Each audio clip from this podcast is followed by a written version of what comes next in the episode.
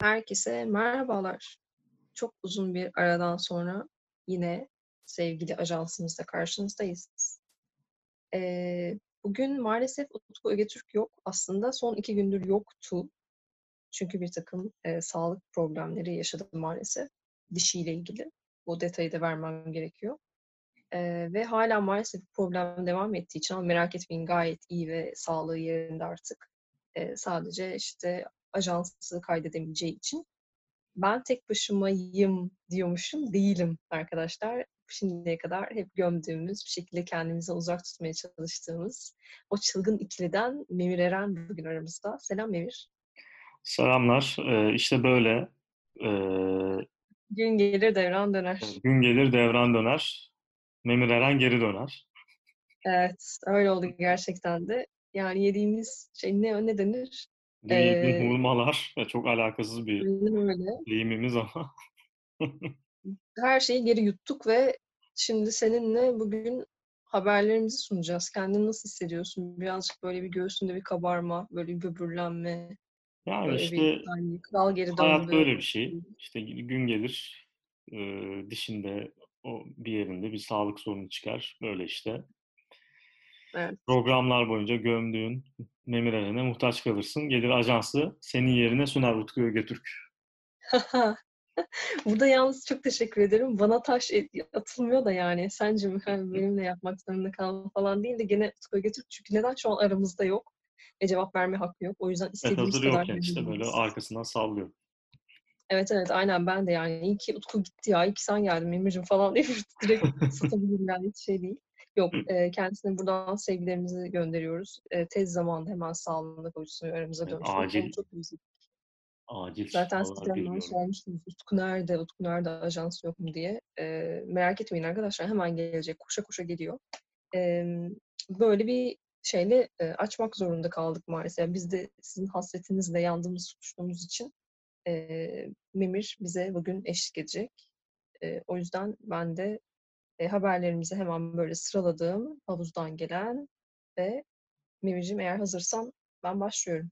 Hep Evet. konuşuluyor, ediliyor. Benim çok böyle hastası olduğum, çok sevdiğim bir yönetmen olmamasına rağmen fazlasıyla popüler bir mesele olduğu için hemen giriş yapacağız.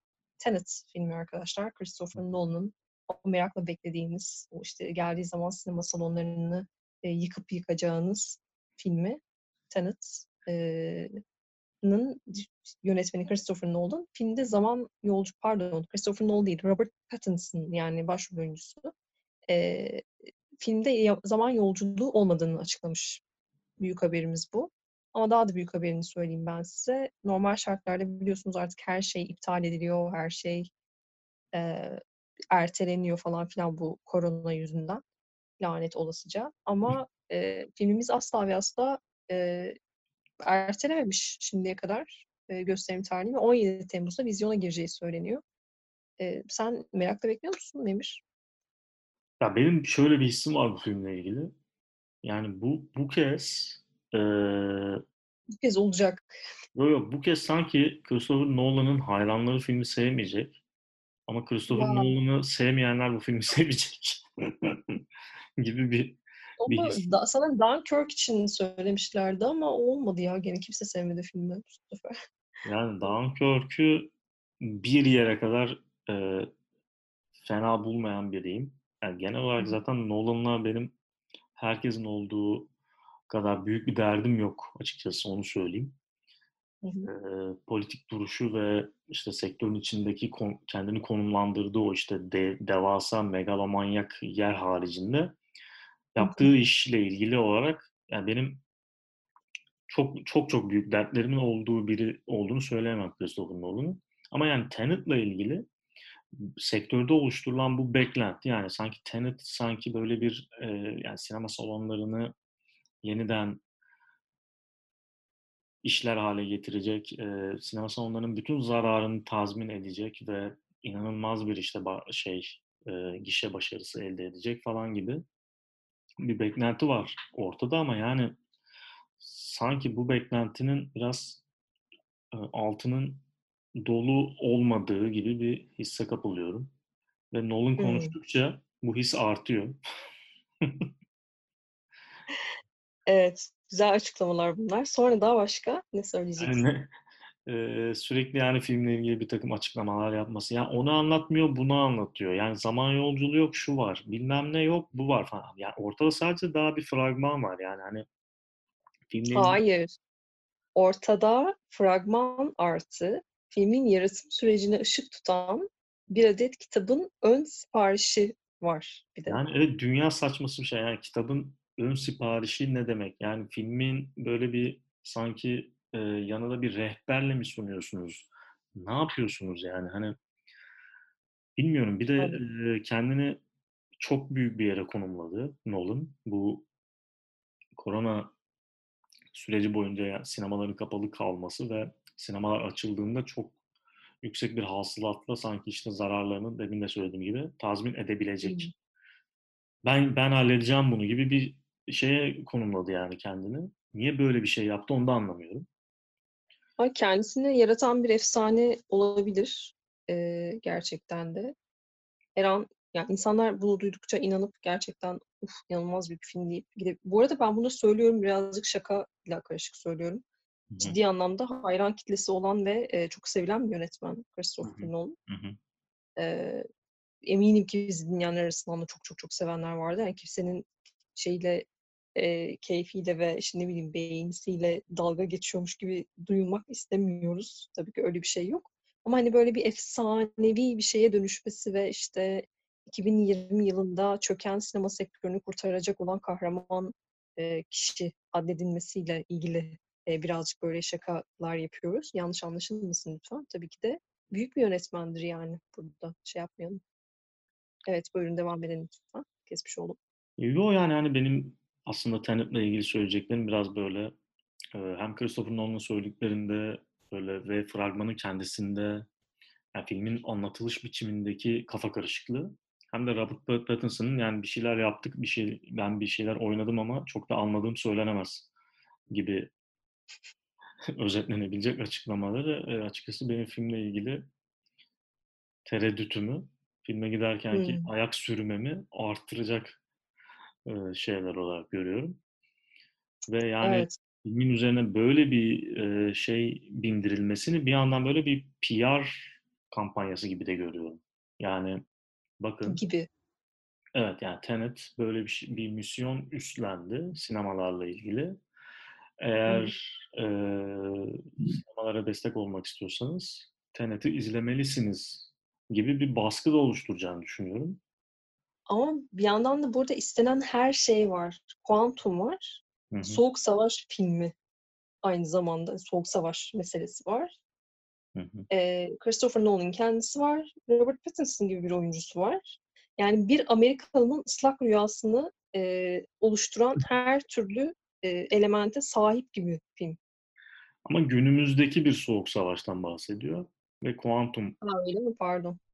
Evet, kuantum temelli. zamanında gidip gelme, hani, şu anda yok diyor ama onu da bilmiyoruz. Hani, böyle belki metaforik bir zamanda gidip gelme meselesi vardır. Onu da bilmiyoruz. Yani, işte, zamanı eğip bükmekle ilgili zaten sürekli bir kurgusal derdi var Nolan'ın. Eee, Dunkirk'te de yaptığı gibi belki zamanı eğip bükecektir, eee, bu filmde de, yani, bu filmin kurgusunda da. Ama, yani, ne bileyim, eee, niyeyse sanki Tenet, Christopher Nolan'ın sandığı film değil. Yani, Christopher Nolan şö şöyle bir şey düşünüyor bence. Çok epik ve, işte, gerçekten korona yüzünden sinemaların düştüğü krizden ve izleyicinin düştüğü krizden, bütün bu durumdan onları çıkaracak bir film yaptığına inanıyor ama ya, bu çok büyük bir iddia bence ve, Hı hı. yani, altı boş çıktığında da başına çok büyük iş açacak bir iddia. Bilmiyorum, yani, şu açıklamalardan da hiç böyle, ga arkası dolu gelecekmiş gibi görünmüyor. Yanılırsak da, yani, yanılmış oluruz. Evet, yani Christopher Nolan kadar batmayacağımız kesin herhâlde. Hıı. Yani o yanılırsa büyük Evet, fiyasko ya ama, hani, sen yanılırsan çok büyük bir şey yok gibi bir durum var ortada. Memur söylemişti, tutmadı falan gibi bir en şeyi var onu derler yani, evet. Evet, yani Oscar şeylerini, tahminlerini sallamaz insanlar ve olur biter gibi bir durum. Gibi bir durum. Evet. O halde emm, çok fazla Tenet konuştuk. Ben bir sonraki haberimize geçiyorum. Birazcık da yaş ortalaması belki yükselebilir bu haberle birlikte. Evet, biliyorsunuz ki, eee, Anne Rice'ın bu şeylerinin arkadaşlar, işlerinin, eee, daha önce, eee, sahibi Hulu idi. Fakat en son AMC Networks bu şeyleri alıyor. Tüm işte The Vampire Chronicles serisini falanları filanları ve onlardan muhtemelen önümüzdeki yıllarda, aylarda, günlerde artık bilmiyoruz, böyle birtakım, eee, işler çıkarılacak gibi görülüyor. Haberimiz bu kadar bu arada. Daha fazla detay yani var tabii ki birkaç birçok kaç çeşit şey detayı falan ama istiyorsanız biz bunu Collider'dan çekmişiz. Muhtemelen önümüzdeki, eee, saatlerde ya da günlerde Filmlovers'ın sitesinde de olacaktır diye tahmin ediyorum. Fakat çok büyük bir aşığıysanız bu yazarımızın, eee, Google'layabilirsiniz. Bö böyle bir haber sunmakta yok yani Google'a bakın deyip, eee, Anne Rice'ın, eee, çılgın, eee, şeyinin, eee, böyle neredeyse tüm meselenin, işte, hayatının değişeceği, şeyi böyle bir sunarak, eee, haberciliğe damgamı vuruyorum ve diyorum ki böyle yani AMC almış hakları ve önümüzdeki yıllarda bir şeyler yapılabilir. Peki ya sen Bekleyin vampirle görüşmeyi seviyor musun? Vampirle görüşmeyi ben bayağı küçük bir yaşımda yani ilk çıktığı zamanlarda mı bilmiyorum ki kaç yılında çıktı o? Ben Şimdi şey yapamadım, hatırlayamadım. Eee, vampirle görüşmeyi bayağı sevmiştim. Bayağı bayağı sevmiştim. Hatta Brad Pitt'i ben hiç sevmem. Yani o zamanlardan gelen bir şeyle, hani, böyle oyunculuğunu sevmem gibi değil de çok yakışıklı ve inanılmaz büyük bir şey falan gibi görülür ya, ben hiç öyle bulmuyorum. Hı. Eee, şeyi de çok severim, Burn After Reading'deki performansını acayip severim. Eee, onun dışında böyle çok büyük bir hayranlığım falan yok Brad Pitt'e. Burada bana böyle çok şey gelmişti. A, bu adam demek böyle şeyler de oynuyor. İşte, böyle illa göbek kaslarını göstermek zorunda değil falan diye böyle bir hoşuma gitmişti o zaman. Eee, çünkü ben kendisini manken zannediyordum. İşte, o zamanlar biliyorsunuz bizim gençliğimizde mankenlerin şarkıcı ya da oyuncu olması gibi bir, eee, tabu vardı. Hiç olmasını istemiyorduk. O insanlar asla, eee, işte, askı görevi görsünler sadece ve başka hiçbir şey yapmasınlar gibi böyle birazcık, eee, muhafazakâr bir yerden yaklaşıyorduk insanların meslekleriyle ilgili.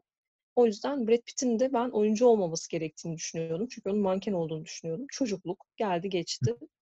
Eee, ve fakat, işte, dediğim gibi bu film sayesinde birazcık daha ısınmıştım. Bu kadar uzun bir detayı neden verdim bilmiyorum. Eee, sen seviyor musun? Eee, yani benim için bayağı Kirsten Dunst'ın performansıyla aklımda kalan bir film. Bu arada evet, yani ve çok üzücü bir performanstır o. Çünkü ben gerçekten o çocuk yaşında öyle kalacağını zannetmiştim. Ve çok ürkütücü bir performans. Yani, hani, o yaşında inanılmaz bir Evet. çocuk oyuncu performansı. Yani, eee, çok böyle yani film bittikten sonra, eee, psikolojisini merak edeceğin kadar, acaba nasıl Yani psikolojiyle bitirdi bu filmi diyeceğin kadar merak edeceğin Evet. bir performans gerçekten. Gerçekten yani Jumanji, ne bileyim, böyle bir yani bu kızı neden böyle şeylerde oynatmışlar? Eee, hiç aklım hafsalam almıyor yani. Gerçekten ciddi anlamda muhtemelen hayatını etkileyen roller diye düşünüyorum. Eee, ki yani çok da biliyoruz sonrasında, işte, alkol problemleri, o, bu, şu falan. Yani belli ki evet, birazcık sonu iyi olmayan, eee, şeyler olmuş o setlerde. Çocukluğunda yaşadığı birtakım travmalar belki de deyip bu minik haberimizi de geçip birazcık böyle daha, eee, büyük bir, eee, production diyelim. Ya, böyle yılları kapsayan, eee, bir production'dan bahsedip ajansımızı kapatacağız hepinizin izniyle birlikte. Eee, arkadaşlar Stüdyo Ghibli'nin, eee, patronu demiş ki Miyazaki'nin yeni filmi Evet, Miyazaki'nin yeni filmi 3 yıl sonra inşallah bitecek. Haber bu. Yani ben de demek isterdim ki Miyazaki'nin yeni filmi geliyor. Aslında evet, öyle yani. Öyle de çevirebiliriz. Miyazaki'nin yeni filmi geliyor arkadaşlar. Bunu celebrate edebiliriz, hep birlikte kutlayabiliriz. Ama, eee, sanıyorum ki filmin 1 dakikasını yapmak Eee, 60 tane çizerle birlikte bu arada çalışıyorlarmış. Eskiden 8 tane çizerleri varmış. Artık 60 tane çizere çıkarmışlar bu sayıyı ve bu 60 çizerle filmin 1 dakikasını yapmak 1 aylarını alıyormuş. Eee, şöyle basit bir matematik yapmış patron. Bize hemen açıklamış şeyde, eee, verilen röportajda. Demiş ki, eee, arkadaşlar, eee, 1 dakika şey pardon 1 ay kaç yılda, işte, yılda kaç dakika eder yani bu demiş. 12 dakika. Tamam biz 3 eee, yıldır çalışıyoruz. Totalde 36 dakikamız oldu. Bir 3 yıl daha çalışınca filmimiz ortaya çıkacak demiş. Eee, buradan kendisine teşekkür ediyoruz. Toshio Suzuki'nin, eee, vermiş olduğu bu How Do You Live bu arada filmin ismi. Hı. Eee, vermiş olduğu bu aydınlatıcı bilgi sayesinde. Eee, sen yani ben biraz açıkçası dalga geçerek gene bütün podcast'te niye böyle oldu bilmiyorum bugün ajansta ama, eee, söyledim çünkü yani Miyazaki ömrümden ömür versin. Allah onu daha da yaşatsın ama yani zaten hani bilmiyorum 3 yıl daha çalışabilir mi aynı performansla? Biraz onu da düşünerek. Eee, bu nasıl olacaktır Mimir sence? Bir yorumunu alayım senin. Yani bu eee, el çizimiyle yapılan işte klasik anime, klasik manga türü gerçi yani Miyazaki manga yapmıyor ama yani çizim ve yani eee, projeye yaklaşım açısından söylüyorum. Yani dijital hı. olarak eee, ya bilgisayarların daha az devreye girdiği türden animasyonlar diyelim genel olarak. Biliyoruz ki çok uzun sürüyor yapması ama yani bu kadar uzun sürdüğü ve yani 1 dakikasının 1 ayda çizildiği bir durumun olduğunu açıkçası ben bilmiyordum. Çünkü böyle oluyorsa mesela haftalık diziler izliyorduk benzer şekilde üretilen. Bunlar nasıl üretiliyordu acaba diye tabii insan merak ediyor. Çünkü işte 20 dakikalık, 30 dakikalık diziler bunlar. O o durumda yani 30 ayda mı yapılıyordu bir bölümü?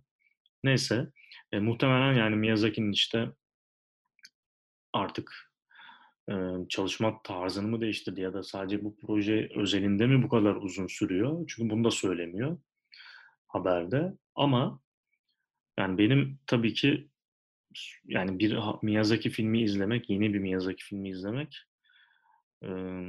he hepimizin herhâlde işte rüyası gibi bir şey. Çünkü ömrümüzün kalan yılları boyunca kaç tane daha Miyazaki filmi izleyeceğiz? Evet, güzel bir detay. Yani Eee, sanırım şöyle bir şey var, yani biliyorsun işte emeklilikten geri döndü falan Evet. filan diye, eee, öyle bir filme başlarken öyle bir şey konuşulmuş galiba. Yani bunun, eee, şey denmiş Miyazaki'ye, "Ya, bu senin diğer filmlerin gibi bir şey olamaz. Birazcık farklı bir şey yapman lazım." Eee, ve anlaşmalarında şöyle bir şey konuşmuşlar. O zaman daha fazla zaman ve daha fazla paranın akması gerekiyor bu yeni filme. Hani madem daha farklı bir şey yapmamı istiyorsunuz falan gibi bir konuşma sanıyorum olmuş aralarında. Eee, o yüzden birazcık gerçek anlamda büyükçe bir, eee, prodüksiyondan bahsediyoruz. Sa ya, Evet, bir prodüksiyon de dediğim bu arada şey normal film prodüksiyonu değil tabii ama animasyon film prodüksiyonundan bahsediyorum. Böyle bir durum var. Yani birazcık evet, gerçekten de küllerinden yeniden doğan bir Miyazaki'nin, eee, eee, görmesi gereken, eee, ilgiyi ve şefkati sanıyorum gösteriyor stüdyo gibi bir şey. Eee, genç bir çocuğun hikâyesini anlatıyor. Babasını kaybeden ve amcasıyla yaşayan 1937 yılında geçen bir hikâye izleyeceğiz. Yani Miyazaki'ye güven güveniyoruz, eee, ve Miyazaki ve 60 animatör arkadaşımıza kolaylıklar diliyoruz. 1 ayda Eee, 1 dakika görmesin deyip küçük şakalar yapıyoruz Hı. ve evet, bir ajansın daha sonuna geldik. Eee, böyle Mimir. O vakit, eee, herkese ne diyoruz? İşte hoşça kalın. Kendinize iyi bakın. Eee, umuyoruz ki ilerleyen günlerde Utku Ögetürk'ün de aramıza dönmesiyle birlikte belki benim bu alaycı tavrımı bir an önce üstümden atmamla birlikte, eee, daha nice ajanslara diyoruz. Eee, nice ajanslara dediğimiz bugün çarşamba değil, perşembe. Bu demek oluyor ki bu haftanın son ajansı. Zaten başladığımız gibi bitirmiş gibi bir şey olduk. Ama hiç merak etmeyin. Önümüzdeki günlerde, yani bir sonraki hafta pazartesi günü itibariyle yeniden sizlerle buluşmak için elimizden gelen her şeyi yapacağız arkadaşlar. Konuda bir kuşkunuz olmasın. Eee, Memir, çok teşekkür ederiz. Eee, hepinizi öpüyoruz arkadaşlar. Kendinize iyi bakın. Üzmeyin kendinizi. Aynı zamanda korona hâlâ devam ediyor. Lütfen dikkatli olun. Ellerinizi bol bol yıkayın. Sevgiler, saygılar. Sevgiler, herkes kendine dikkat etsin. Eee, sağlıklı kalın.